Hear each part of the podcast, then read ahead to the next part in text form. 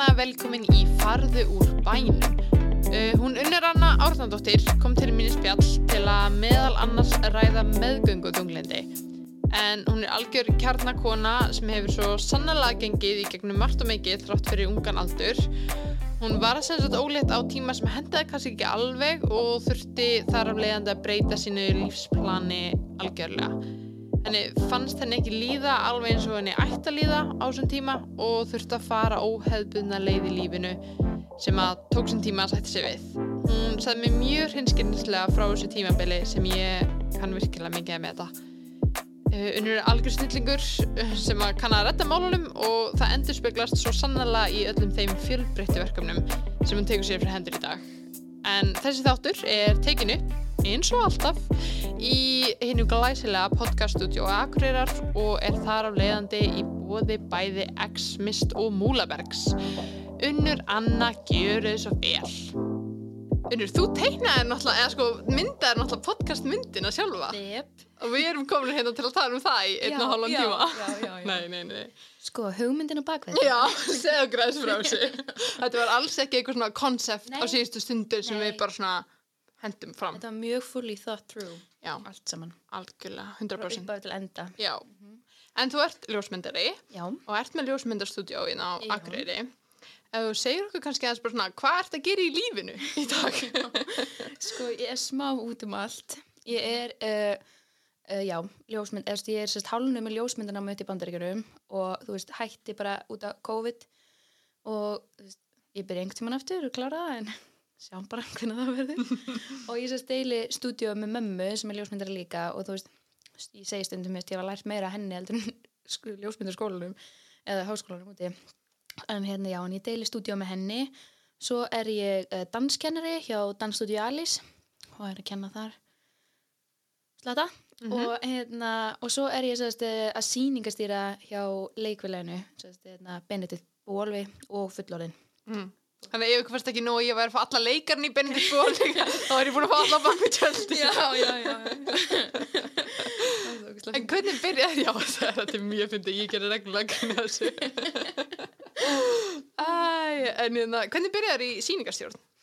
Já, sko, ég byrjaði raun að vera bara að fara, sérst, 2018 þá hérna var mér svona ítt af hérna, yfir manni mínum í dansskólanum að fara í hérna, pröfu fyrir kabarett og ég fór í pröfur og dansaði í kabarett þar og kynntist á svona, veist, liðinu þar. Og hérna og síðan sérst 2000 og, þú veist, þegar við erum bara rétt að klára þetta þá var að byrja svona ný sýning, svona barnasýning. Og ég man ekki alveg af hverju en hérna, mér var bóðið þess að sýningastýra gallsinum á Gissa þannig 2018 Mhm. þannig að þá er ég veginn bara svona og boltinn að rulla í því og mér finnst það sko geðveikt skemmtilegt, ég bjóst ekki við því en mér finnst það skemmtilega að vera svona bak við tjöldin heldur en að vera actually á sviðinu og það sé gaman líka og hérna, já og svo þetta fer ég út og kem aftur heim og frétta þessari Benedikt bólsýningu og var bara eitthvað please, heyrið í mér Senda. Já, nákvæmlega. En svo er mitt bara spurðum hvort væri, ég væri til að skipta við hana. Já, nei, ég byrjaði líka fullorðin. Það Já, vantaði já, fullorðin. Þannig að hérna, ég fór að sýningastýra henni og hérna gerði dansinn fyrir hann. Þannig að þá vissu svona að ég væri, þú veist, laus. Mhm. Og svo bara, þú veist, spurði hann í framhaldi að því að hvort ég væri til í að gera Benedikt líka með henni. Þannig ég svo sýningastýra móti Þórunni Gerstóttur. Akkurat. Og hvað hva gerir sýningarstjóri? Uh, já, sýningastjóri bara svona heldur utanum uh, í raun og verið bara sýninguna, leikarana þú veist, ég svona opna húsið, passa að allir séu mættir á réttum tíma séu fara í smingi réttum tíma og fara í uppbytunum réttum tíma og hérna, fara inn á svið á réttum tíma og þú veist, það er svona samstarfi við svona framhúsið, þú veist, að hérna hvort það séu allir komnir og hvernig við getum byrjað og svo veist, svo kjúa í alls konar svona teknikjú og hérna passi rauninni upp og líka að leikararnir fara inn á réttum tíma og þú veist, tæknimennir gerir sín kjú á réttum tíma. Og hérna, þannig að maður er svona svolítið allt í öllu. Mhm. en enda tíminn liður mjög rætt Já, ég trúi því. Guð. þannig að, en bara ógæslega skemmtilegt og bara svona, þetta er svolítið svona krefjandi þú veist, ef eitthvað kemur upp á í sýningu þá, hérna, þú veist, er það bara bókstala minni ábyrða ákveða, bara hvað ætla að halda áfram með sýninguna eða bara cancela og senda alla heim ég reyndar aldrei lendi, þú veist, hefur alltaf verið að taka mína sýningu þegar eitthvað kemur svoleiðis upp á Ah. fyrir mig, þannig að ég er úkslega heppin hafa aldrei lendi í því en, Já, en hvað, þú veist, til dæmis, hvað geti komið upp á? Já, til dæmis bara núna um daginn þá hérna uh, bara bilaði tölvan sem að var hérna uh, að keira þess svona hljóðkerfið. Og það kom allt hérna bara gett creepy rödd og all börnum fór að gráta. Oh en það röddast þau fengu öll miða. En þá sérst, þá sérst þurfti hún bara að cancela síningunni og þá þarf hún bara að taka ákvörðun þú veist, getum við alltaf áfram, þú veist, eigum við að láta við býða í smá stund, eigum við bara að cancela? Og hún cancela síningunni og þá þarf hún að, þú veist, að láta alla vita og svo þarf hún í rauninu verið bara já, framhalda því að veist, redda öllu. Einmitt, bara sjáum allt eiginlega. hvað er svona mest stressandi við þetta starf? uh, sko, mér fannst sko tvent, ég veit ekki, mér, þetta var alltaf komið mér mjög svona eðlislega, veist, mér er aldrei þetta er svolítið mikið þú. Ég er svolítið svona stjórn sem týpa fínt að fá borga fyrir það bara. nákvæmlega. Þannig að uh, mér, fannst, mér finnst það einhvern veginn ekki stressandi eitthvað svona, þú veist, að passa upp á að allir sé gera rétt og þú veist, að það sé allt klárt og þannig, en það sem að mér stressandi sem að var bara eitthvað fáránlegt var að, þú veist, sýningarstjóri ákveður hvort að, þú veist, leikarinn komi inn og aftur í uppklappi. Og ég hatt að taka þessi ákvörðin ég er alltaf bara, uh, þú veist, ég þarf alltaf svolítið mikið frá áhrifundum til að ég sendi fólk aftur í uppklapp, sko. En því að svo er það þannig, þú veist stundur sendur í uppklapp þegar þú veist, þú veist þegar fólki er, þú veist, að hætta klappa og þú veist, leikararnir hata þig fyrir að senda það inn á í þá stemmingu, já, já, já. eða maður heldur allan að þeir muni hata mann hann Já. að hérna maður finnur svona svolítið fyrir því og það var ángrís bara, þetta var bara mesta stressi mitt í hérna langan tíma en svo hérna, því að Charlie, þú veist, maður minn er að vinna núna að baka tjöldin og hann, þú veist, vissi að mér finnst þetta stressandi þannig að hann fór alltaf að gera svona veðmál við mig þú veist, hvort að verði uppklapp og hérna, hversu oft. Hjálpa stressinu. Já, og mér fannst ég er svo mikið keppni, skilur Já. En ég á sett, þú veist, að það eru tvö uppklöp var Já. það þurfti ekki mikið. Og þá hætti ég að pæli svona Ó, ætli þeim finnist þetta óþægilegt? Þá var ég bara, nei, herru, ég þarf að vinna hérna veðmál. Aha, ég skil. Það er mjög vel gert sko. Það var næs Ég er nefnilega búin að vera á nokkrum sýningum núna undarfæri sem að þú hefur verið sýningarstýra. Allt mjög vel sýningarstýrt bæði. ætla þykjast sjá það. Já, já, já. En ég það, og alltaf þegar þú veist það kemur uppklappið þá hugsa ég alltaf til þín bara, ó, ég hef þetta unni ekki núna. Ég sé þið alltaf fyrir mér eitthvað svona, hvað á ég að gera? Uh, jú, Já, drífið ykkur inn á, nei. Og þetta er líka alveg verið svona, ég er svona, drífið ykkur inn á Svo bara eitthvað, eru þú að að Kitty um daginn fór bara eitthvað einn inn á svið og það bara stóð þarna og ég bara, heyrðu, halló, þið verið eldan. En það var ekki mér, það voru þau eitthvað sem voru eitthvað efasemtir en, en það er líka bara þannig, þú veist, ef þú ætlar inn á þá verðið eiginlega bara að drífa ykkur inn á því, með ekki, þú veist, að það gerist líka alveg að maður er eitthvað svona, já, drífa ykkur inn á þau eru eitthvað svona, ertu, er, er, ertu viss? Og svona taka hálft skrif inn á, ég held að bara eitthvað go, Já, ég skil, að því að taka líka ekki bara áhörfundinir undir þetta, jú, eða, þú veist, ef þeir leikarnir koma inn á þá klappaði mér þannig að ég skil ekki ekkur ég er mikla þetta svona fyrir mér. Nei, en ég minni, ég skil alveg þetta sér stressandi, sko, maður vill ekki setja fólki í einhvern veginn óþægilega stöðu, já, þú veist. einmitt, einmitt. En er þetta eitthvað sem þú sér þig fyrir vera að gera lengi áfram? Uh, vonandi, mér finnst þetta ógslag gaman. Já. Hérna, já, mér finnst líka ótrúlega gaman að vera með í ferlinu öllu þú veist að hérna, það var svona í fyrst skipt sem ég gerði það núna með Benedikt því að núna hef ég yfirleitt bara svona hoppað inn í sýningarna þegar þeir eru tilbúnar. En þú veist með Benedikt fekk ég alveg vera með bara frá pröfum. Þannig að hérna uh, að frá pröfum í dansarana þú veist Já. hérna, svona aðeins lengri inn í. Og það mér finnst ógæslega gaman þú veist að þá svona, þú veist, fekk ég svona meira ábyrðastarf að svona, þú veist, finna út hvernig þetta getur gengið upp og hvar þurfa að koma Q og, og þú veist, hérna, alls konar þannig og, og það var sem að gegja þannig ég eru mjög spenntur í því að gera það áfram Mm Hljóma mjög spennandi. En síðan er hinn helmingurinn á lífinni, það er, eða sko, þú það er eitt þriði, eitt þriði, en eitt þriðjungurinn á lífinni, Já. þessi þann ljósmyndunin. já, Þú byrjar með þitt stúdjó í haust, hérna á Akureyri. já, sérst mamma er bara með stúdíu sem hún er búin að vera með, mamma algjör snillingur Agnes skúla, næ, mm -hmm. hit her up Já, já, endilega, endilega, go for it. og, hún uh, já, sérst, er búin að vera með þetta í nokkur ár, þetta stúdíó, og ég fekk eiginlega bara svona að krassa hjá henni eins og bara í lífinu þannig að hérna og við bara svona deilum því þú veist, ég bókstala bara nýtið mér allt hennar þú veist, þannig að já, mm bara gekkja næs Þú mátt bara kannski koma pínlítið nær. Já, og það er eiginlega bara að því að maður gerir svona, Já, þá fer hljóði inn og út. Já, að það bara það. En, hérna, já, ég fær í myndatöku í þetta stúdíu og með mjög næst, mjög næst, mæli með því. Klálega. Unnur Anna Photography. unnur annað bara .com sko Það- Já, það það vefsíðan. já, Mhm. það er næs að sjá, þá getur séð svona portfóljó, allt í öllu algjörlega það getur séð myndir af kötu hoppið fram í þeim um, já og síðan ertu náttúrulega að kenna dans og Já. við sagt kynntum stæðilega því við vorum báður að æfa dans. Sætla minninga. Já, það var klaka mm það var mjög gaman þetta, góðu tímar sko. En hérna síðan sko, mér langar að- að fara í fjölskyldu og uh, meðgöngu og allt það þann part af lífinu. Já. sko, þú kynnist sagt Charlie maðurinn, hvað ár kynnist þið? Við kynnumst árið 2016 Já, og hvernig var hvernig kynntist þau? Já, sko, Charlie uh, vinnur sérst í kvikmyndabransanum í bandaríkunum. Hann sér um svona uh, alla leikmunni og hérna heitir að vera propsari. Sér um sérst að, að fá leikmunni, þú veist, hérna, ég veit ekki, þú veist, það er alltaf svona best útskýrt á þannig að hérna, ef að vantar, þú veist, slökkvitæki í, í vind, Mm -hmm. þá þarf hann að redda slökkvitækinu og stundum þarf það að vera skiluru veist, það þarf að vera kannski fjólublátt eða eitthvað. Og svo hann að redda öðru alveg einsnum úr gummi þá þarf að lemja einhvern með því skiluru veist, þannig að hann svona þarf að redda öllu svona. Og er síðan ásetti að veist, hjálpa leikurunum að setja á sig, læra rétt á veist, hann hérna, hjálpa dæmis rosa mikið með vopn og svona, þú veist, að læra á þau og hönd, meðhöndla þau almennilega og hérna, sér um allt svo leis og hann var sérst að vinna í því í hérna Mýmasveit 2016 í hérna Fast and Furious 8 þegar það var hérna, að, það var verið að taka það upp á Mývatni.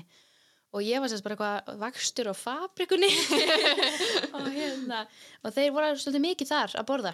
Og hérna voru alltaf bara svona hanga á barnum og eitthvað svona, þú veist voða ameríst, og ekki íslensk stemming at all, þú veist, Mhm. þannig að hérna, þeir eru alltaf bara eitthvað hangandi þar að fá sér og eitthvað og hérna, og þú veist, ég fílaði Charlie bara alls ekki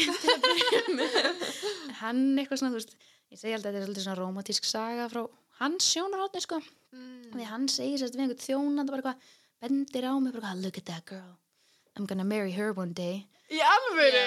já, hann sagði þetta og sko, og þú veist allir bara, oh, cute. Og ég er bara, nei, creep. Veist, ég var alveg þar, sko, veist, ég hann ekki neitt og þú veist, við ekkert um hann og ég var bara eitthvað hver er þetta eiginlega? og hérna, svo bara, þú veist, baði mig alltaf um að koma á date og ég var alltaf bara eitthvað, nei, stu, ég er bara góð þú veist, hann var alltaf, þú veist, ef við hittumst í bíli eitthvað, þú veist, hann opnaði fyrir mig dyrnar og ég alltaf bara geðveikt íslensk bara, please, never do this again Já, bara ég get alveg að opna hörðanum mína sjálf. einmitt.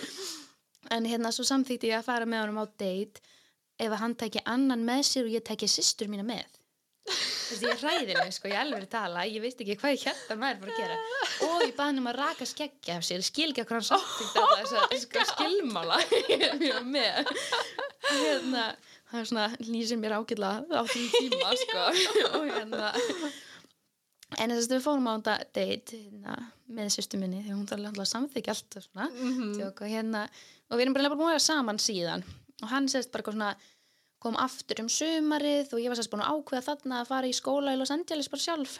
Og hérna hann býr í Atlanta, bjó í Atlanta. Og hérna ég ákveð bara að halda mig við mitt plan og fara út til sérst Los Angeles. Og var síðan bara eitthvað svolítið mikið að flakka alltaf til Atlanta sem ég bæði og ég held að myndi vera svolítið bara eins og að fljúa suður eitthvað er ekki eitthvað nei, þetta er svona fjögur og hálfs tíma flug þetta er bara svo að til spánar. Það gerði mér ekki alveg grein fyrir stærðin á þessum, á blandi sko. Mhm. en hérna já og hérna bara var flög alltaf svolítið á milli og hérna endaði svo bara á því að ákveða að færa mig eftir einu önni LA færa mig til Atlanta. Mm Mhm. að ég fann bara eitthvað drauma háskóla minn þar líka hana það virkaði fóða vel Já, er vel. Mhm. Og þú varst að læra innanhúsarkitektin í Atlanta. já, í, já, í Los Nei, Angeles, sorry, já. í Los Angeles, meina ég. Og færði svo yfir í, í hérna, ljósmyndaran, í eða commercial photography. já, ég sérst bara, ég held samt áfram sko í Atlanta í hérna commercial Já, ok. Nei, hérna, innanhúsarkitektur Ok, ok. og svo hérna, og þú veist, fyrsta ári bara í listaháskóla er rosalega basic, þú veist, þú fær bara einn eða tvo tíma í þínu svona, þínu svona, hérna, major, en hérna ert í bara svona, alveg svona general knowledge, eins og það heitir bara, þú veist, í hérna listnámi. Þannig að þú veist, ég hefði alveg eins geta verið í ljósmyndun. Já, já, já, já, en hérna, já. Þannig að þannig er ég með. Ég man einhvern tíma að sagði mér að þú hafi líka hitt að eitthvað Ariana Grande í Los Angeles, Já, það ég er rosa margt random sem gerist þannig í Los Angeles. Ég var einu sem bara á Santa Monica Pier að labba með vinkunum minni og við erum svona að sjá með einhverjar að taka mynd með einhver skvísu og við erum bara eitthvað "Ó, gaman eitthvað. Og vinkunum minni er bara eitthvað er þetta samt ekki Ariana Grande? Og ég bara, það getur ekki verið. En svo þú veist, fórum við nær og hún var bara svona í bara svona bak við eitthvað krummaskuð eitthvað.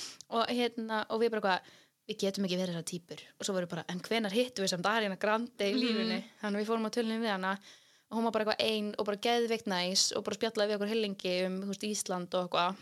Og hérna fengur svo mynd með henni og bara svona svo að fólk myndi trúa mér og tók ég líka screenshot af henni að Snapchat þessum da sama dag þar sem hún er sko í sömu fötum.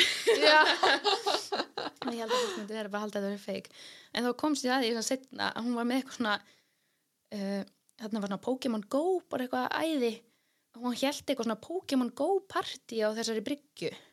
Og þess vegna var hún þarna skilju en við vissum það ekkert skilju þannig að við heldum bara eitthvað Ég heldur bara að Ariana Grande væri bara eina göngutúr og senda mann eitthvað björ skilju Oh my god, maður líka pælir í því bara, vá, gatum bara verið þarna ein bara án öryggisfarða og allt Já, það var alltaf skrítið og það var enginn eitthvað svona gett ofan í henni þannig séð, þú veist, það var bara eitthvað tvær aðra stelpur á undan okkur og svo við en annars bara var allir að láta henni friði. Hún var þetta líka í hettupaus og með derru og okkur svona, hún var eitthvað svona smá low sko, Mhm. við létum samt það. Já, ég er ánum með ykkur, sko, ég minna er ekki hún hitt hann aftur eftir þetta, þannig að það er alltaf sé eftir þessu, sko. nákvæmlega. En síðan, uh, þú ert fly, flyttur þarna til Atlanta, Mhm. en í millitíðinni þá verður þau ólétt, er það ekki? Mhm. Hvenar er Já, það? en sem sagt uh, uh, já, ég um, einhvern tímann bara svona í desember byrjun desember þá sérst, er ég úti og þetta er náttúrulega bara veist, alls ekki planið og, litanna. og hérna og þú veist, ég var í prófum á þessum tíma veist, þannig að ég var ekkert eitthvað mikið að pæli í heldur að þú veist, ég var eitthvað að missa túri eitthvað skilur að því að þetta er bara svona klassisk ég, ég verð svolítið stressuð fyrir próf og þá bara, þú veist, pæli ég ekkert í þessu. Og hérna, og dett oft út á okkurna og hérna þannig að ég hérna, já, var ekkert svo mikið að pæla. En svo fór ég sérst uh, svona kvöld með svona íslensku stelpum fórum á hérna uh, gestir í hérna James Corden í Late Late Show. Og alveg. hérna geggja gaman, þú veist, við geggu stuði og við bara eitthvað, eftir þetta vorum við bara heyrðu, við að fara í bíó? Og veist, klukkan var samt bara eitthvað nýju eitthvað. Og ég bara já, á einhverju mynd sem ég sko búin að býða gett lengi eftir að sjá. Og svo sérst í bíónu þá bara gat ég ekki haldið mig vakandi. Og þetta er bara aldrei gerst áður í veist, og ég var gett spennt yfir þessari mynd þannig að ég var okkur svegt og þá fór ég að hugsa bara eitthvað, af hverju er ég svona ógeðslega þreytt, þú veist, af hverju er ég hérna, já, bara eitthvað veist, ég veit ekki, ég fekk eitthvað svona skrýna tilfinningu, en af einhverjum ástæðum það átti ég ólítu próf heima Ok, og ég var náttúrulega að fara að flytja heim og svo til Atlanta, þannig ég var eitthvað herri, ég pissa bara á þetta og hendi sér, þú veist, í leðinni ég pissaði þetta á þetta og það voru, þú veist, tvö streik og ég náttúrulega bara eitthvað ein, þú veist, ég var með einhverja herbyggisfélag, skilur og hérna flestir er kannski bara ringt í kerastan sinn, skilur hann ég ringdi í sýstu mína sýstu mín kemur sterkinn og hérna og já, ég ringdi hana grenjandi sagðast, og sagði við hana bara öskrandi bara ég er búin að eyðileggja lífið mitt. Er svona bestu viðbröð sem þá getur hengi flestir er bara grátandur gleði og eitthvað en það var ekki mitt case. Og mm, þú veist mér finnst alltaf lægi að segja frá því núna. Ég, veist, maður er einhvern veginn svona, þú veist, ég var með geðt mikið sinni að, hafa bröður svona við bara því með leiðin sem ég væri bara að bregða á spanninu mínu sko. en hérna en þetta var bara ég á þessum tíma þú veist, ég bara, mér fannst ég búin að eyðilegja öll plön þú veist, mitt háskólanám og þú veist, mína framtíðir veru. og ég fekk bara svona yfir þyrmandi tilfinningu að allir eru fyrir geðvikum vonbröðum með mig þú veist, að ég er búin að vera svona veist, að ég bara svona þetta er eitthvað svona íslenskt ímanni að maður þurfi bara eitthvað, já, þú klárar hérna framhaldsskóla, kynnist einhverjum gaur, þú veist, verð síðan í háskóla þú veist, verður óleitt eftir það eða heima hérna eða í Norðurlöndunum skilur, ekki í Akkurat. bandaríkjanum einhvern veginn og hérna og þú veist, og það var einhvern veginn allt búið að ganga þannig hjá mér og þú veist, einhvern veginn fannst mér það búist við af mér skilur, þannig að þú veist ég var í alveg með leiðin sem ég var að koma heim bara eitthvað með skotti á milli lappana og núna ég myndi allir bara vera fyrir geðvikum vonbröðum með mig þannig að ég hérna þú veist, saði með pappa getið strax frá þessu og flög bara eitthvað heim og þú veist, býð svo vel að því að þú veist, pappi besti vingur minna ástöðar er hérna mm. -hmm. hvernig og þú segir mér síðan bara, þú veist, það sé og hann svona hugur hérst að byggja geðveikt mikið bara eitthvað, þú veist, þótt að þér líður sér sért, sért ung, þú veist, að því ég var náttúrulega bara 21 ás Já. þá þú veist er þetta bara eitthvað besti tíminn til að vera óléttur og ef einhver getur þetta er þetta þú og eitthvað svona hugristi mikið þannig ég var bara ok, já, ég í þetta en svo sagðist hérna eh, þegar ég segi með um pappa þetta þá er þau bæði eitthvað svona veist, taka svo svolítið svona og þú veist, núna í dag veit ég að það er bara því að þau vissu ekki hvernig mér leið með þetta Já. og hérna og þau vildu bara ekki vera eitthvað svona gett glöð ef, þau, ef ég væri eitthvað að pæli að bara fara í fóstureyðingu eða eitthvað þannig skilur og þú veist, pappi náttúrulega bara svolítið svona overprotective típa. Já. og sagt segir við mig bara eitthvað já, ef þú vilt taka lífinu innu svona. Og þú veist, og ég er búin að vera bara einhver kvíða hvernig þau munu bregðast við og fæ ekki svona, þú veist, því að sískinu mín voru áttu bæði vona badni og bæði búin að fá bara eitthvað, veit, þú veist, viðbröðskila því þau eru bara eldri og þannig ég fekk ekki þessu sömu viðbröð og þú veist, skiljanlega í dag, skiljur en hérna, á, þú veist, þarna bara, þú veist, það braut bara svolítið svona, svona staðfesti svolítið bara allt sem ég held, skiljur, ég held bara allir eru fyrir vonbröðum og bara, já, þarna var það bara staðfest, skiljur og hérna, þannig átti alveg svona svolítið erfitt bara frá byrjunir en hérna, og fer síðan bara eitthvað, þú veist þú veist, ég kem heim 17. desember og ég fari út aftur annan janúar, þú veist. Ég Já, engan eitthvað tíma til að processa það neitt, skiljum og svo sagðist, kem ég út. Og ég er að byrja í nýjums háskóla og ég hérna ég er að flytja í borg og ég er með, veist, Charlie sem ég er búin að vera með eitthvað í, nýju mánu og bara í fjarsambandi.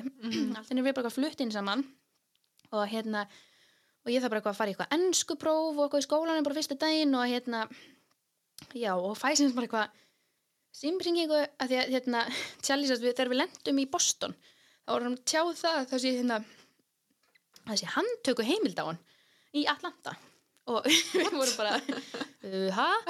og það hann sérst, já, ég ætla að koma því eftir smá hvað, af hverju það var Já. en sérst, við komum sérst heim og hérna, hann var ekkert eitthvað handtekinn þannig og hann bara, já, ég fer bara á morgun og hérna og hérna græja þetta því þá var það sérst þannig að hann hafði hérna, fengið stöðumalasekt eða svona, hann lagði einhvers þar sem hann mátti ekki leggja og fekk sekt sem hann bara glemdi að borga og þess vegna var hann komið handtöku heimild á sig kallinn eins og það er alltaf bara fullkomlega eðlilegt. Ég fullkomlega eðlilegt.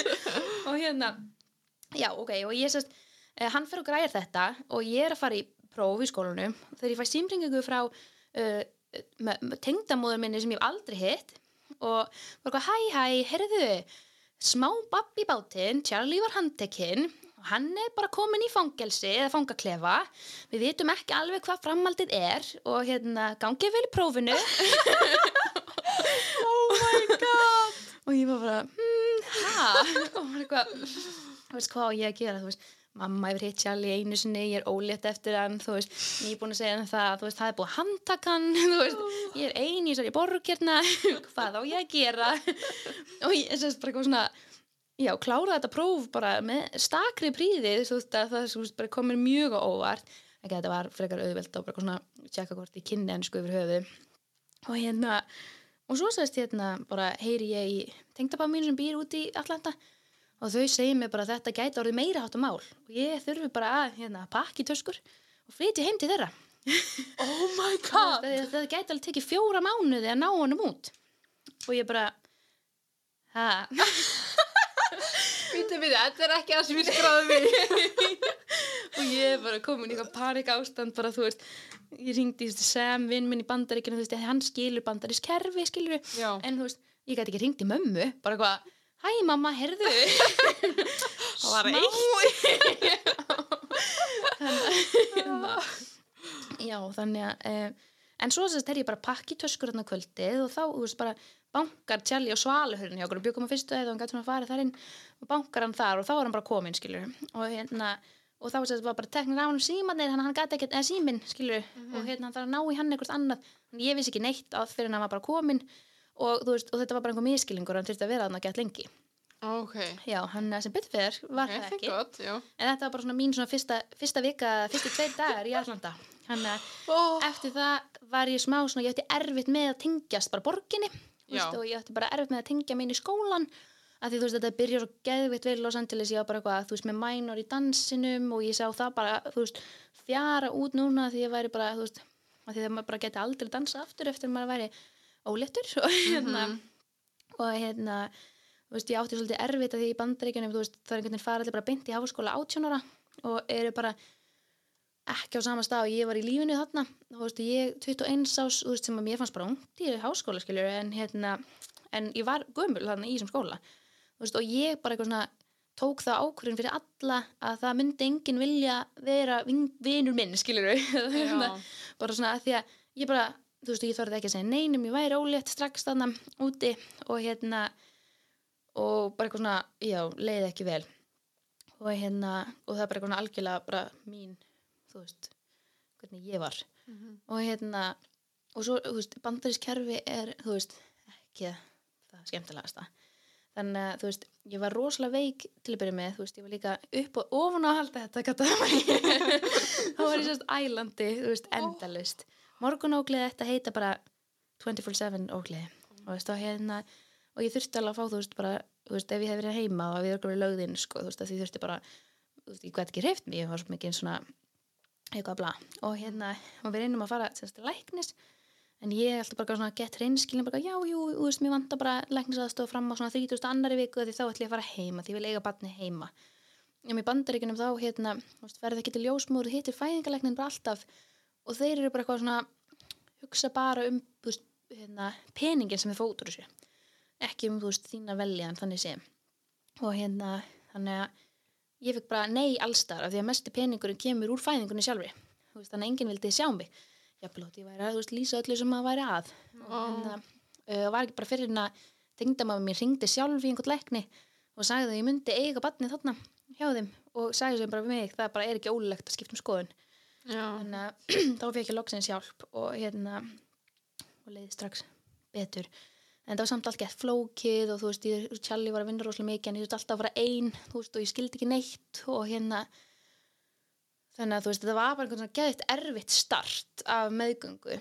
Og hérna ekki einhvern veginn svona eins og þú veist, oft kemur kvíði bara þú veist, að því, þú veist, ég sá þetta bara ekki fyrir mér svona. Þú veist, Já, ég sá einmitt. ekki fyrir mér að þegar ég er þið ólétt þá er þið lífið svona. Þú veist, ég bara eitthvað þú veist, það var bara einhvern veginn ekki á planinu hjá mér. Nei, þannig að þá þú veist, var ég bara veist, mjög mikla vanlíðan og þú veist og eins og veist, ég var nefna við að ég þú veist, þú veist ég, þetta var, tengdist aldrei banninu skilur, ég var aldrei eitthvað svona við, ég var aldrei eitthvað svona þú veist og þú veist, ég verið ömuleg mamma eða ég aldrei eftir að elska þetta bann þú veist, það var alltaf bara, þú veist, ég vissi þetta bann kæmi og það er því bara svo mikið elskað en hérna, og ég myndi gera mitt besta sem mamma þú veist, mín vanlegan tengdist bara mér, þú veist, tengdist bara því, þú veist, að, þú veist, já, plönu mín, veist, og ég var bara með svo miklu vonbröðum með sjálfa mig, að ég skildi ekki fylgja mínu plani og svona fylgja því hvernig mér leið eins og, eins og aðrir upplöfu mig og þú veist, heldu og svona byggust við af mér, þannig að þú veist það var svona svolítið mín vanlegan þú veist, já, Já, ég skil það alveg vel sko, af því að þetta er svo prentað í mann bara, þú veist, leiðin sem maður á að fara og ef maður fer hana ekki, þá er maður búin að feila. já, Sem er svo bara alls ekki, algjörlega þú veist, og þú veist, Agnes er náttúrulega bara þú veist, það besta sem er komið fyrir mig í lífinu, skilur já, og þú veist, bara út af því að ég þurfti að taka mig pásu í skólanum fann ég bara, þú veist, þetta var ekki, ég var ekki réttir braut og þú veist, ég skipti bara um algjörlegum gýr og þú veist, já, og bara, þú veist lífið er bara blómstræfið síðan hún fættist en þú veist, og bara kent mér svo margt bara, þú veist, að þú þarft ekki alltaf að gera alltaf eftir planinu þú þarft ekki alltaf að hafa plan, skilur mm þannig að hérna en þú veist, já,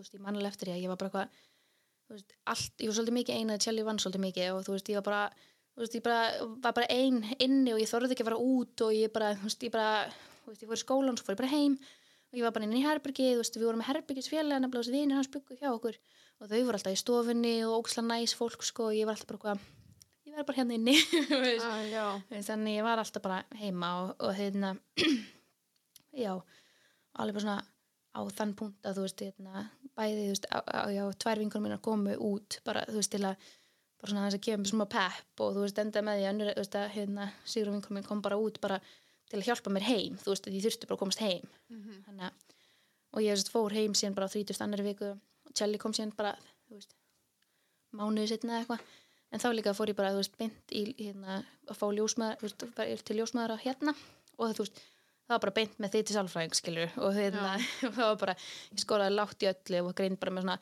alvanlegan, almennan kvíða, áfallastreitur röskun, þú veist, meðgöngu þunglindi, allt þetta, þú veist, það var bara, jæja. En þú veist ég veit ekki, þú veist þegar vita svo ógæslega fáur á þessu en þú veist, maður, þegar maður er hérna ólítur, þá á maður rétt á frýrri sálfræðastóð og í heilt ár eftir fæðingu áttu rétt á frýrri sálfræðastóð veist það ekki? og fólk bara, þú veist, er ekkert látið vita af þessu einhvern veginn og hérna, þú veist, ég var ótrúlega heppið með ljósmáður sem sagði mér frá þessu, en þú veist, alltaf þegar ég nefnir þetta við einhvern annan, þú veist, einhver aðra mömmu, þá er það bara, ha, vá, ég vildi þið vita af þessu. Þannig að, já, það hjálpaði mér þvílít mikið. Og þú veist, gerir ennþá í dag, ég býð ennþá að því sem ég læriði í sálfræðingum þarna, þú veist, það er bara svona, svona aðalatrið er bara, þú veist, að þín upplifun er eðlileg, þú veist, þetta er einhvern veginn þannig að maður er eitthvað svona, þú veist, ég veit ekki, að búast allir við því og sért í svo miklum blómstra þegar þú ert óleitur það pælir enginn í því, sko, hvernig líður eins og skilur. Og þú veist, ég náttúrulega gatt falið þetta rosalega vel því ég var bara ein út í bandaríkunum og hérna, og þú veist, já, þannig ég eitthvað svona, það byggust allir við, því ég var að líða svo vel að því ég var ólétt og ég blóma lífsins að þú veist, mér leið illa fyrir því að líða illa.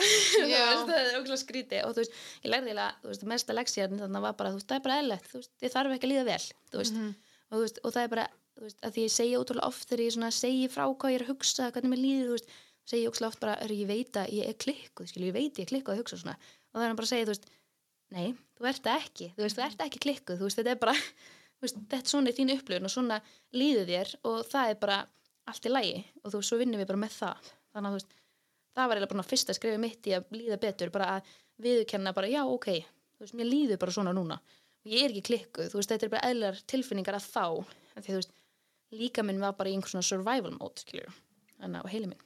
Þannig að- Já, Guðma, eh, bara, þetta er líka bara eins og þú sagði með áfallastreitur og veist, þetta er bara mikið af í rauninni áföllum sem þú lendir í þannig að þú veist, það er ekki, Mhm. ekki það, það er aldrei skrítið að, líða illa en þú veist, sérstaklega með allt þetta og ég, ma- ég man sko eftir því þegar þú sagðir okkur þetta. Já, og þú veist, þá náttúrulega bjóst þú bara í bandaríkjanum og við vorum bara einhvers þar annar staðar og mástu maður var ekkert að pæla í þessu þannig, skilur og þú veist, þá vorum við einmitt bara, ok, jú, jú, þú varst alveg, við vissum alveg að það var ekki planið, fattari, en maður var samt bara svona, ó, unnur, þetta er svo mikið eitthvað fyrir hana, bara hún verður bara fullkomi mamma, bara strax, veist, maður pælir ekkert í þessu. Nei, nefnilega ekki sko. og svo setur maður þetta alltaf upp einhvern veginn, ég veit ekki, þú veist ég man til dæmis bara, þú veist, þegar ég ég fór í hérna átjöfingna skoðun Já. þá þú veist, þú veist, ég fara ein. Og í bandaríkunum er það svolítið þannig að þið þurfa að segja þið bara hvað allar upplýsingar í heiminum að þið þurfa svo hrættur um að annars lögsækjur þá. Og hérna og svo veist, ég fer fyrst og kemur ykkur hjúkurnafræðingur og skoðar hana og bara, já, þú þetta er stelpa og eitthvað svona og svo bara eitthvað "Heyrðu, ég þarf aðeins að skreppa fram. Og ég, svona, ég finn bara eitthvað svona óþægilegt andrúmsloft og ég bara eitthvað, mm, ok. Og hérna, og svo þú kemur fæðingalæknir inn og bara svona skoðar og bara já, já hérna, annar, þetta er okkur skrítið að segja þetta. Annar lærleikurinn er sérst, viku stittri en hinn já, viku stittri en restina líkamannum og ég var bara, já, ok. Og bara, það er bara hérna, enkenni af Downs syndrom og ég er náttúrulega bara ha? Og ég er náttúrulega bara að byrja strax að skæla og þú veist, og bara veist, ég var bara ekki tilbúin í þennan pakka einhvern veginn, veist, ég hef alveg orðið það en þú veist, hérna, á þennan tíma ég var bara það var svo margt í gangi að ég var bara eitthvað, nei, þú veist, ég geti þetta ekki. Og, þú veist, og þarna var bara eitthvað, jæja herri, þannig að þú þarf bara að fara inn í þessa byðstofu og þú fara bara fyrir blóðpröfu og svo verða að vita eftir tíu daga hvort að hún sé með dánsa ekki. Og ég var bara, já, ok. Og ég kem bara út, þú veist, eftir þessa blóðpröfu sko, grenjandi úr mér augun ringdi í ástís ég bara, getur þú ringt í pappa þinn? Núna takk. Og hérna, og hann sérst tala við mig og hérna, og segir mér sérst að þú veist, að þú veist, fyrir fyrsta þá eru svona mælingar rosalega hérna, veist, það eru ekki, eru ekki hérna accurate, það er ekki nákvæmar. Já, og hérna, þannig að þú veist hann sagði, þú veist, ef að ég sæi að lærleikur veri viku stittri en restan líkamannum, ég myndi ekki eins og láta fólki vita. Þetta er svo lítið partur af þessu, skilju ef ég myndi sjá kannski fjögur, fimm, sex önnur einkenni færi ég að tala um þetta en ég færi ekkert að ræða fólki á óþörfu ef, að, hérna, ef þetta gerist svona einu sinni hjá mér. Og hérna, hann sagði mér að hafa ekki ágjur af þessu en ég var samt, þú veist þarna komin í þetta situation og bara eitthvað þurfti að býði tíu daga. Þannig að þú veist það var líka svona að tekið að mér svona gleðina að bara tilkynna kynið þú veist, og, og ég beið með það í þess að tíu daga þú veist, bara því ég bara vissi ekki hvort ég væri að fagna eða þú veist, og þú veist, maður veit ekki skilur ef að barnið maður sem sé með Downs þetta fagna ég barninu, þú veist, hvernig sem það er en maður syrgir líka barnið sem að þú veist, maður hjælt maður að væri að fá í hendunar skilur og þú syrgir bara allt sem að alla erfileika sem barnið á eftir að gangi gegnum skilur þannig að ég var rosalega í þeim pakka og svo hérna fæ ég sem símtal tíu dögum setna og bara eitthvað herðu, það er bara allt flott þú veist, hún er ekki með þú veist, það er bara, hún fekk bara skoraði bara veist, minnstu líkunar veist, þannig að það er bara ekki síðan svona sem með Downs. Og maður er svo hormóna skilur að ég fór bara eitthvað gráti yfir öllum öðrum fóröldur sem fengi ekki þetta símtal skilur það ég bara, ég var ekki hægt að gera mér þetta sko. Þannig að hérna, uh, já, en þú veist og ég man, þú veist, ég bakaði ein köku sem var með bleika kremi og þú veist, hún var ekki góð. Og ég hent henni en ég tók myndað henni og sett á Instagram og allir er bara, ó, svo gaman í unni veist, Já, þetta er svo mikið feik stundum að þú veist, stundum þú veist, líti ég yfir þessar myndir og ég er bara eitthvað æ, af hverju gerir maður þetta? Þú veist, af hverju setjum maður þetta svona upp? Já, en þetta bara, kannski survival mútið þessum tíma, skilur, reyna að finna eitthvað gott. Já, ég minna skiljanlega. já, en það var bara eitthvað já, Tjalli var ekki heima og þetta var Ó, þannig að þú veist, já, þetta var svona þú veist, það var líka það, þú veist, að bandaríkinn segja mann svo ótrúlega mikið og hérna og veginn engu og hérna, þannig að þú veist það var líka bara svona eitthvað sem ég var bara ekki vön og það var svona, já, spilaði svolítið inn í að þannig að, já, það spilaði rosa margt inn í að, þú veist, að líða svona skringilega, þú veist og hérna, já. Þannig að varst að tala við eitthvað, einhvern, þú veist, opið um þetta á þessum tíma? Um, sko, ég held ég að kannski bara tala um þetta við e, Ástísi og í Sigrunni vingur mínar að því að mér fannst þær kannski svona geta verið hlutlausar einhvern veginn, ég veit ekki hvernig ekki útskýrt þetta en þú veist, ég vildi bara einhvern veginn ekki leggja meira á mömmu þú veist, þú veist mamma og tvönu börn og þau voru bæðið að eignast börn þannig á þessum tíma skilur og þú veist, sýsti mér lendi í svakalegri fæðingu og þú veist, var hérna bara, þú veist, já, bara, bara endaði næstu hræðilega skilur að hérna og ég bara gæti ekki að lagt meira á þau skilur þú veist, þannig að mér veist ekki geta sagt mömmu mér veist ekki geta sagt sýstu minni. Og en þú veist, þau þær funda alveg á sér og þær voru alveg að tala við mig eitthvað svona, er ekki örugglega allt í góðu? Þú veist, hérna, hvernig líður þér og eitthvað, og ég var bara, jú, jú, jú, bara bara flott, skilur bara æði og hérna, en ég held ég hafi svona náðu kannski að tala við mest við ástísu og sýrunu sem að komi síðan báðar til mín, sko Mm þannig að mjög þakklátt fyrir þær, sko Enda góða stelpur. góða stelpur. En Charlie, var hann, veist, var hann með í þessum vanlíðan eða?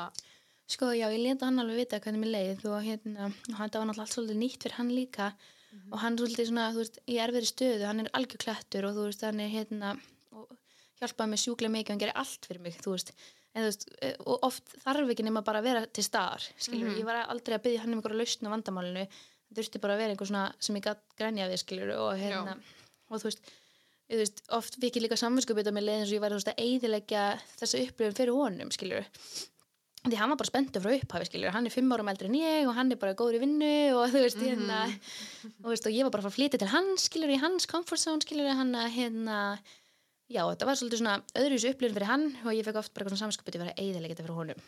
Og hérna hann var veist, ástæðan fyrir hann var svona mikið svona fjárverandi var að hann var að vinna sérst næturvinnu hann þú veist, þeir var að taka upp eitthvað sem átti að gerast á nóttunni. Og hérna og þú veist, hann svaf bara daginn. Þú veist, og ég þú veist, oft hitt ég hann bara, þú veist, hann var að koma heim á vinnunni og náði þá að skuttla mér í skólan, skilur og hérna, Mm. svo svaf hann á menn ég var í skólanum, sótti mig aftur og fór í vinnuna. Þú veist, þannig að það var líka, þú veist, það þú veist, hann var bara fjárverandi en alltaf þegar hann var, var þá var hann til staðar, sko og gerði eiginlega bara allt fyrir mig, þú veist, veist eina sem ég borðaði var eitthvað ógeðslega spagetti og cheesecake fett. Og hann alltaf bara fór með mig þangað. Og það var mitt þetta ekki gott og, hérna, og allt svona, þú veist, hann fór ferðir fyrir mig að því ég þörði ekki að fara yfir göttuna og hvað, þú veist, að hérna og gerði hann allt, sko. Því að ég, veist, þessi áfallastæður öskun kemur líka frá því, sko, ég lendi í bílslýsi 2015 og ég fekk bara svona þarna þegar ég fæ þessa meðgöngu þunglindi þá er eins og bara hún ágerist þessi, hérna, þetta er bara svona eina hálfur setna og hérna og þú veist, umferðin í bandaríkanu er miklu verri en hér skilur þú veist, miklu meiri og hérna og ég lendi sérst í, þú veist, bílslýsi þegar, ég- þegar við erum að keira til, veist, beigja til vinstri.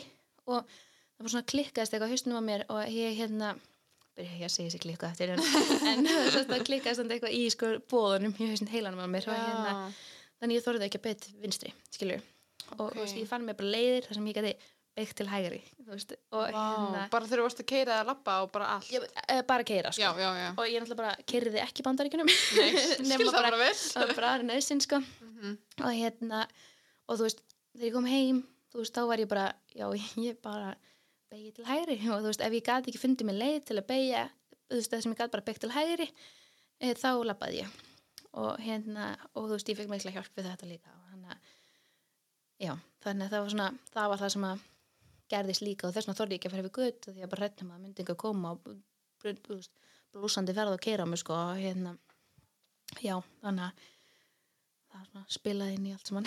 Já, Þannig að- þetta var bara erfitt ár skilju, þetta var bara það sem var sín bara hvað besta árinu því að þú veist, ég fekk náttúrulega bara geðið mikla hjálp áður en að hún fættist og hérna og þegar hún fæðist þá var ég bara eitthvað vá hvað þetta er rétt þú veist, Jalli var komin og hann kom og fór og þú veist, ég bjóð bjóð með pappa og Agnes var bara svona drauma batt frá fæðingum, maður getur sagt það þú veist, svona, að því ég hafði geðið miklar ágjur að því að það var talað um það, sko, að þú veist að þegar mæður finna fyrir vanlíðan þá getur, þú veist, valdið því að börnin verði óróleg og börnin, þú veist já, ég las það einmitt áðan. Já, og þú veist og þetta er ókslega ósangjart að segja Já. þetta um mömmu í alvöru, þú veist að því þú veist líkunar, þú veist þetta er ekkert eitthvað þekkt, þú veist, þetta er ekki eitthvað svona sem þú getur bara sagt, þetta er bara svona kannski getur þetta áhrif. Og það er mömmu strax konum með samvinskupið, skilur við já líka gerir þetta ekki bara verra. verra, þú veist, að því að þú veist, já. Þetta er bara, já. En þú veist, það var líka bara svolítið þannig, hún fæðist og, þú veist, og þú þarft í rauninni bara að taka þig á lífinu fyrir batnið, skilur og þarf bara að uh, vinna í sjálfri þér, skilur og ég hef aldrei unni að mikið í sjálfri mér og síðan þarna. Þannig að, þú veist ég náttúrulega bara hataði Atlanta fyrst og ég svona kendi bara Atlanta um þess hérna mína vanlíðan. Og þú veist, þannig ég var bara, ég mun aldrei búa þarna aftur. Og svo þú veist, eftir ég fekk hjálp og eftir Agnes fættist og ég flutti aftur þarna þetta er bara uppbólsborgið minn í heiminum, skilur og ég bara elska, þú veist, ég væri alveg til ég búa þar ef að fjölskyldum mín byggja en hær, sko. Því ég bara elska Atlanta. Þannig að það er svo skrítið hvernig heilin er, skilur Já, einmitt, hvernig maður svona tengir mm sem þú sem. Var alltaf planið að, fæða á Íslandi -hmm. og ala upp já, að mestuleiti hér? já það var alltaf, alltaf plani að eignast barn á Íslandi bara því að mér langaði eitthvað sem ég þekkti eitthvað mm sem ég langaði bara að skilja allt sem var að gerast skilur og ég þekki kerfi hér og þú veist hérna og þú veist bara dásamlegastu konur í heimi þú veist hérna þegar já, ljósmaðurnar hérna þú veist eru bara þú veist ég fekk bara góða hjálp og mín upplifun þú veist ég endaði í bráðkeisara en það var samt þú veist bara besta upplifun í heimi þú veist og mér liði aldrei mér liði alltaf bara svo vel einhvern veginn. Það var aldrei eitthvað svona órug með um hvað var að gerast eða hvað þú veist hvað það myndi kosta eða eitthvað skilur allt svona. Þannig að hérna en svo voru, erum við rosalega opin með sko hvað við viljum alana upp. Veist, við viljum hérna við viljum, veist, við finnum alveg fyrir því að hún er við erum örugari með hana hér. Við finnum alveg að hún er hérna frjálsari hérna, hún getur leikst úti uh, þú veist, leikskólinn er bara viðránlegur í verði og eitthvað svona. Þannig að það svona finnst okkur betra að hafa hana hér svona, hafa þetta hennar svona comfort zone eða þannig. En við viljum samt líka vera ókslega duglega að fara út þegar þú veist að COVID er búið og svona. Þú veist að því að mér langar ekki bara að hún upplifi bandreikir sem eitthvað svona pappi er þaðan. Já, einmitt. mér langar hún upplifið þú veist að það sé hennar heima líka.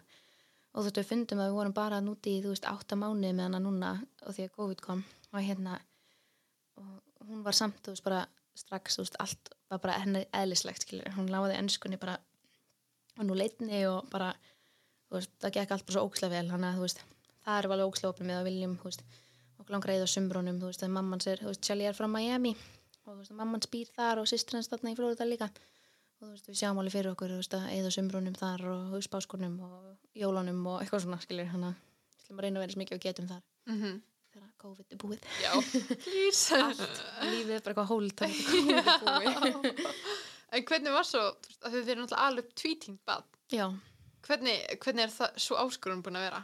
heyrðu sko ég er náttúrulega miklega það fyrir mér eins og allt annað halda ekki ekkar ágjörð því hún byrjaði náttúrulega bara að tala íslensku því að hérna Jelly var flækkar bara milli og við vorum bara á Íslandi og ég var bara við minn góður, hún har aldrei gett að tala pappa sinn, þú skil ekki hvort annað eitthvað, en hérna en hún skildi hann samt alltaf, þú veist. Ok, það sem að, svo skrítið sko. Og hérna, svo fluttum við út og við erum hvað búin að vera úti í svona tvo mánuði þegar ég er farin að byggja um sko Íslands sjónvarsefni því hún er hægt að tala íslensku. Vá, Hún er bara farin að tala ok. ensku.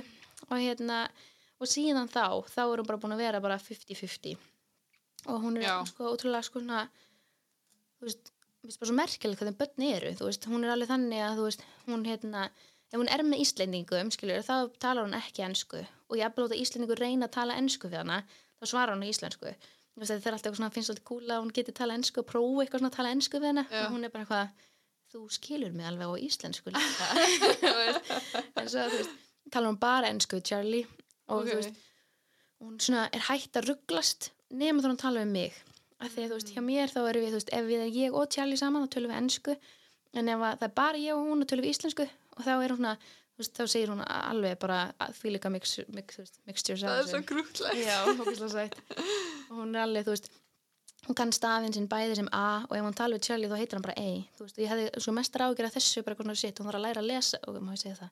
Og já, hún þarf að, hún þarf, hún þarf að læra að lesa á tveimur tungumálum, þú veist, hún þarf að læra stafina því þú veist, það er svona fyndir hlutir sem kom upp á því hún er bara A, epli Ah, nei, alveg, en þú veist, en jú en já, já, að já þú veist, það er það, skilur við en hérna en, já, hann hefði að kenna henni, þú veist, tvo stafi sem gengur fyrir epli með hvað, þú veist, tungumál ert að tala hann að ég er svona ég hlaka til að takast á við það en, en já, bara hingað til er þetta búið að vera bara miklu auðvildar en ég held, sko Mhm. og bara, já, þú veist, þegar það er verið að tala við hann á tveimur tungumálum, þá bara kemur það einhvern veginn Já, akkurat.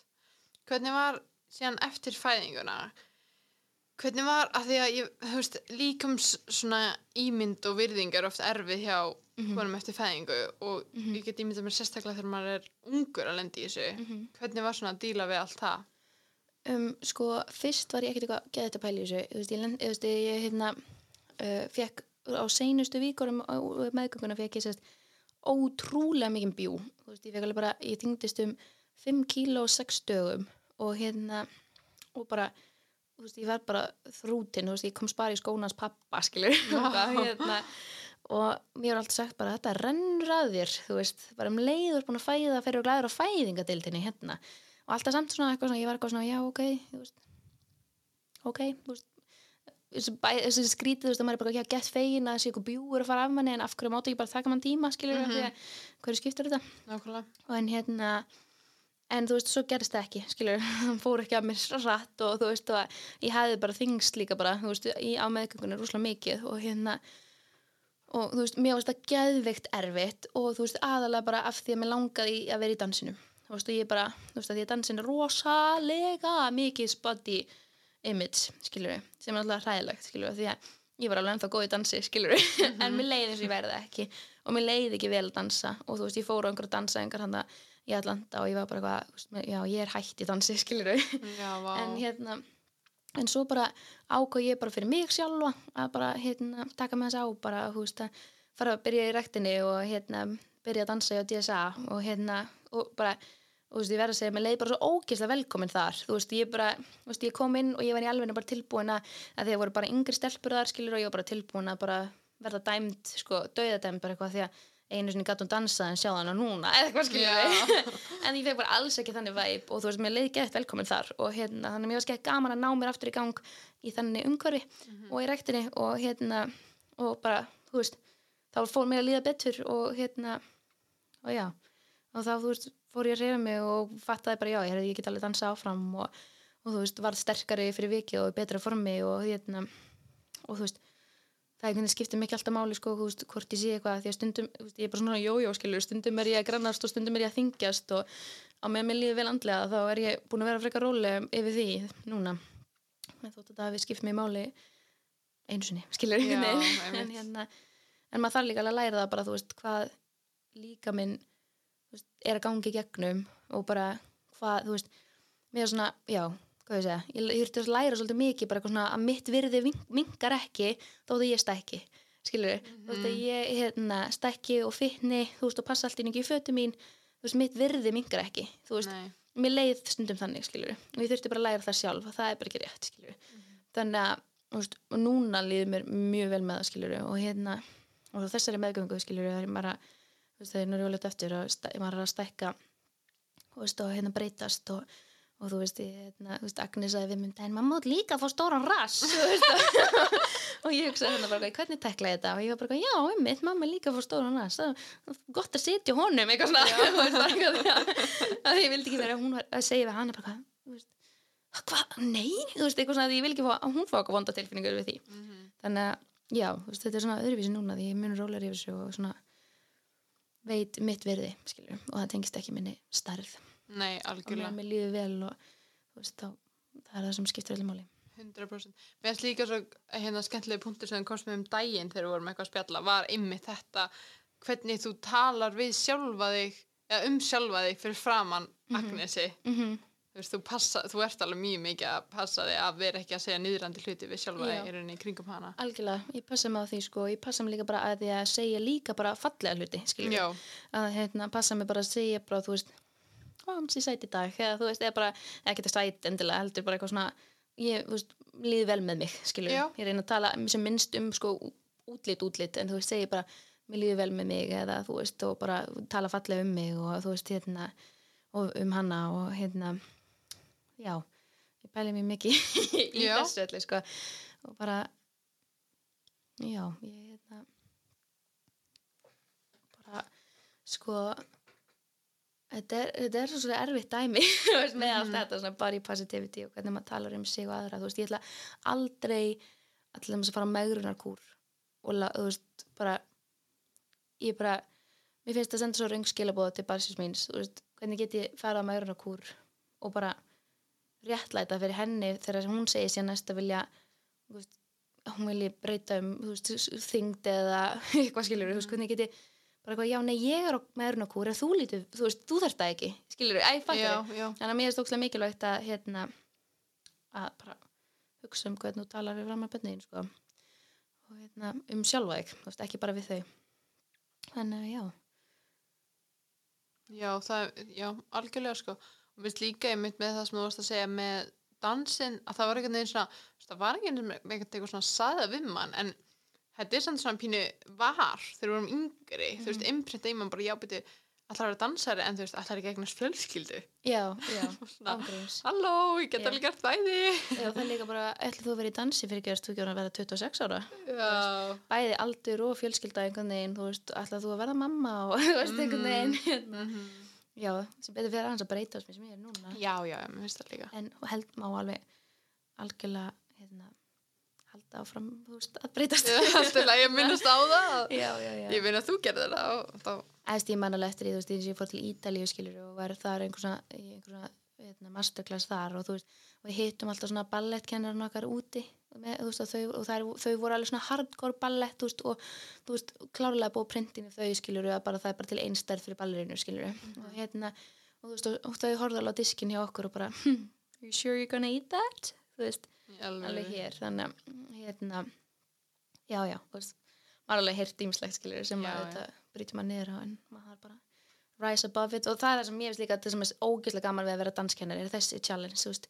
Mér langar bara geðvikt mikið að kenna börnunum sem ég er að kenna dans að þú getur verið hvernig sem þú vilt og getur verið frábæri dansi. Já, 100% skiptir ekki máli hvað þú borðar eða hérna hvað þú hérna hvernig þú lítur út Nei, svo lengi sem þú ert samt að fá góða, hotla næringu sem að Já, hjálpa þér að vera sterkari og, já, já, og bara, nei, bara svo heilbrygt Já. samband við mat já, já, já, já, Þú veist 100% að borða bara allt í hófi, skilur ekki vera einhverjum kúrum, þú veist. Og ég finn þetta alveg frá stelpunum mínum, skilur það er, þú veist, sem eru svona, það eru svona preteens, þú veist, það eru þú veist, að vera svona 13, 14, 12, 13, 14 að það er alveg farin að pæla í þessu, skilur og þá, þú veist, og ég finn alveg þegar þær vera óurugar með sjálfa sig. Og þú veist, ég finn alveg að þær eru bara, "Hæ, ég reyndar að fara að fá mig pizza hérna, Er Já. og þá segi ég alltaf, já, ég líka. Passa mig alltaf að því ef að þær segja eitthvað svona, þá segi ég eitthvað svona. En annars bara að ræða, þú veist, ég myndi aldrei segja við þær eitthvað hvernig þær eru að borða eða veist, hvernig þær eru að líta út eða eitthvað þannig, því að þú veist Ég mig líka pizza á hann bæði vegi Já, ég líka. Og, na- og við erum að bóra nammi núna. Þú slum hafa það á reynu. En hérna, hvernig, þú veist, að því að nú ertu óleitt aftur. Mhm. Svæt Hvernig, nei, svona ágríns Hvernig líðið er núna í, í samanbyrði við fyrir óleittuna? Herðu, sko, þetta er náttúrulega bara tvent ólíkt. Um, Ég finn núna svona, já, svona mann að líða. Þú veist, þetta, er, þetta er, þú veist, hérna það sem fólk talar um, skilur að hérna uh, ég reynda, þú veist, ég segi líka alltaf meðgangar sem ég bara ekki myrt mæð þeim fyrstu vikundur er alltaf bara eitthvað ræðilega þú veist, ég bara fekk aftur þessa meðganga og ég fekk lifið í þetta skipti. Og Ok. hérna um, já, og fór þá að líða betur sko, og hérna, og mér líður mjög vel núna sem ég segi því í gleymistundum að ég sé ólétt sko, Mhm. fyrir, fyrir utan, þú veist, kreifing sem ég með ég fekk enga tómata bara þetta. Sko, það heyrist svo pyrrandi í mikrofónin Ég var eitthvað, ég get ekki gert hlustundum að við segjum eitthvað okkur tómetum hérna hann er ákvæmstlega fæ Ég glimti líka að segja að var næst ég búin að senda bara guð kátt að þetta ekki komið tómata. því var ég var að spáði ég er bara, nei. Já, en já, bara mér líðum ótrúlega vel núna og þú veist, ég er svona, já, þú veist, ég finn bara eitthvað svona nú er svona tillökkuninn, skilur við líka bara tjallir hérna, þú veist, við erum Agnes er ógislega spennt og hún heldur bara svona svolítið er ljósi í lífin mann, skilur við, bönni mann, sér bara þannig, þú veist, að hérna, þau eru spennt, er maður sjálfur spenntur og hérna, þannig að, já, þetta er bara allt, allt annað, sko. Hvernig var þú veist, þegar þú fattaði að þú væri ólétt í þetta skipti Já, ég ætla bara vissi það áður en ég, var, áður en ég mist af túr. Ég bara, Já, ég ok. ekki af hverju, ég bara fann það á mér. og ég bara- alvöru Ég sagði bara tjáli ég held þessi ólétt og hann bara, já, hvað er geggjað? já, hérna, svo byrjaði ekkert á túr, ég bara, mm, ég vissi það. Og svo var ég bara, ég beigði alveg heila vikum að taka óléttupróf því ég var bara, ég veit að ég er ólétt. Og hérna, ógæslega skrítið. Og ég, hérna, svo tók ég óléttuprófið með tjáli og bara japp, við, veitum þetta, skilur. þetta var ekkert eitthvað svona, oh my god, moment, af því að, þú veist, ég bara, ég bara vissi þetta. Ég veit ekki hverju, ég fekk bara einhverja tilfinningu. já, bara fannst það einhvern veginn Já, hvernig ég leiði bara- eitthvað Já, ég bara fann ég var þreytt og fann bara, þú veist, eitthvað svona, eitthvað svona sem ég kannaðist við einhvern veginn. Og hérna, já, þá bara, og svo bara tveim ykkur setna fór ég að æla en ég var bara, yes. hann að hekki ég mig Ákvæðlega, maður þarf að finna fyrir þessu. Þetta er eina, skilju, því að stundum ef ég átti góðan dag og var ekkert að æla, þá var ég bara, guð, ætla sé ekki allt í lagi. já, Ég hana, þú veist, gæti alltaf staðfest að ég væri áfram ólétt með að, með að æla. Mm. En ertu, ertu með einhver svona, en nú ekki á þinni ábyrð að koma með negin ráð, en ertu með einhver svona, eitthvað sem þú myndir ráðleggja einhverjum ungum mömmum, eða ekki ungum mömmum, en einhverjum sem er að gangi gegnum eitthvað, gætu haldið að þetta væri kannski meðgöngutúlindi? Uh, já, klálega bara leita þessi aðstöða, segja einhverjum frá ekki bara, þú veist, þér, þú veist já, e, já, það er bara að segja einhverjum frá þú veist, að geta að tala við einhvern og að bara vita að þessar tilfinningar eru til og þær eru eðlilegar, þú veist, að því að það er ofta að tala um bara hérna, fæðingaþungliti, þú veist, eftir og eigin spatnið og svo algengt Mm -hmm. það er einhvern veginn ekkert alltaf minnst á þetta. Og þú veist, þess að ég var að segja við ég bara, ég hef sjaldan hýrt um einhvern sem að ræðir eitthvað svona vanlíðana meðgöngu, bara því að mér finnst eins og þetta sé, þú veist, ekki algengt og bara eins og bara, bara ekkert vera æ, ekkert vera að pæla í þessu einhvern veginn. Hérna, þannig að já, bara tala við einhvern um þetta, vita að það sé eðlilegt og þetta er viðræðanlegt og þetta hefur ekkert með að gera, veist, hvernig mamma þú ert eða verður og hérna og hvernig barnið þitt verður, þannig að, já, ég myndi segja það Og líka þú veist að þú ert með meðgöngutúlindi þá er ekkert saman sem merkja að þú fáið fæðingaþunglindi alls ekki endilega, það getur auðvitað gerst samt Já, getur alveg gerst, en þú veist, ég var bara í blóma lífsins bara þegar Agnes fættur, sko. mm Þannig að ég fekk aldrei fæðingaþunglindi, sko. Nei. Það var bara jafnaði sig þarna. Er eitthvað sem þú hefðir þú veist, vilja vita eða vilja geta gert öðruvísi á þessum tíma? Sko, já, ég hefði alveg viljað svona, ef ég myndi fara aftur tilbaka, hefði ég viljað bara svona, þú veist, gefa mér smá svona clap on the back, skilur veist, og bara, hérna, og bara, þú veist, ég hefði örgulega farið í skólan með miklu meira svona sjálfsöryggi núna, þú veist, og vitandi það, þú veist, ég egnaðist alveg vinið hann sem að voru síðan brókslega spenntir að ég væri ólétt, skilur en ég hefði alveg örgulega komið mér betur inn í, þú veist, skólan og félagslífið og þú veist, og liði betur ef ég hefði kannski bara eignast vinni sem ég actually fór að hitti, skilur og svona, svo upplifun hefði örugglega verið betri ef ég hefði bara samþykkt sjálfa mig einhvern veginn. Mm Þannig að ég hefði örugglega gert það, samþykkt sjálfa mig. Já. Self-confidence. Self-confidence, self-care. Erum við ekki góðar? Er eitthvað sem þú vilt bæta við eða? Ég er bara góðið þú ert góð, sko. Ég ég minnst það frábært. Bara takk fyrir að vera svona hugrakk og tala um þetta. Bara, Ég vissum að þetta hjálpar allavega einhverjum og veist, ég meina ég, veist, ég á ekki betna er ekki ólétt, en Nei. mér finnst bara svo mikilvægt að vita að þetta sé option, þannig að þegar þetta komi að þetta komi ekki, þú veist, og maður bara what the Já, mm, hvað er þetta, skilur Nákvæmlega, í alveg, það er alveg mikilvægt sko. og ef ég hefði vitað af þessu skiljur það hefði þetta örugglega verið öðruvísu upplifun fyrir mig líka þannig að þú veist já, bara mikilvægt að vita að veist, lífið er alls konar sko. og þú veist, það getur oft verið það sem þú heldur að sé versta sem kemur þig, getur verið það besta sko. og já, hætti að pæla í þessum plönum. Já, nákvæmlega. er eftir eðilegast þú veist, og kemur eitthvað annað í staðinn. Það er bara þannig. Og líka, það er allir alltaf pæla í sér og halda alltaf allir, aðri sér í sér svo er allir bara einhvern veginn að pæla í veist, sjálfur sér og Akkurat. enginn, þú veist, allir bara "Ah, unnur geggja, vá, þú veist, gaman og svo bara, Einmitt. Ég líka fæ þetta ótrúlega oft núna því þú veist, við náttúrulega fórum út og ég ætlaði náttúrulega bara að klára námið og svo kom COVID, skilur og ég var eitthvað bara, veist, kom heim í ágúst og fór út, því að hefði farið út í desember kom heim í ágúst út af COVID og hérna og það var alltaf eitthvað, hvað ætlaði að vera í Íslandi lengi? Ég er eitthvað svona, já, ég meina ég sagðist alltaf að vera í bandaríkjum í fjögur ár og kom ég heim eftir áttamáni þannig að ég bara, ég segi bara passa á þessu spurningu Já. ég veit ekki hvað ég verði hérna lengi ég veit ekki hvort að það verði bara hérna alltaf eða bara út það bara, sjáum til hvað lífið byrður upp á einn dag í einu. Já, nákvæmlega. Takk kærlega fyrir að koma. Takk fyrir að bjóða mér.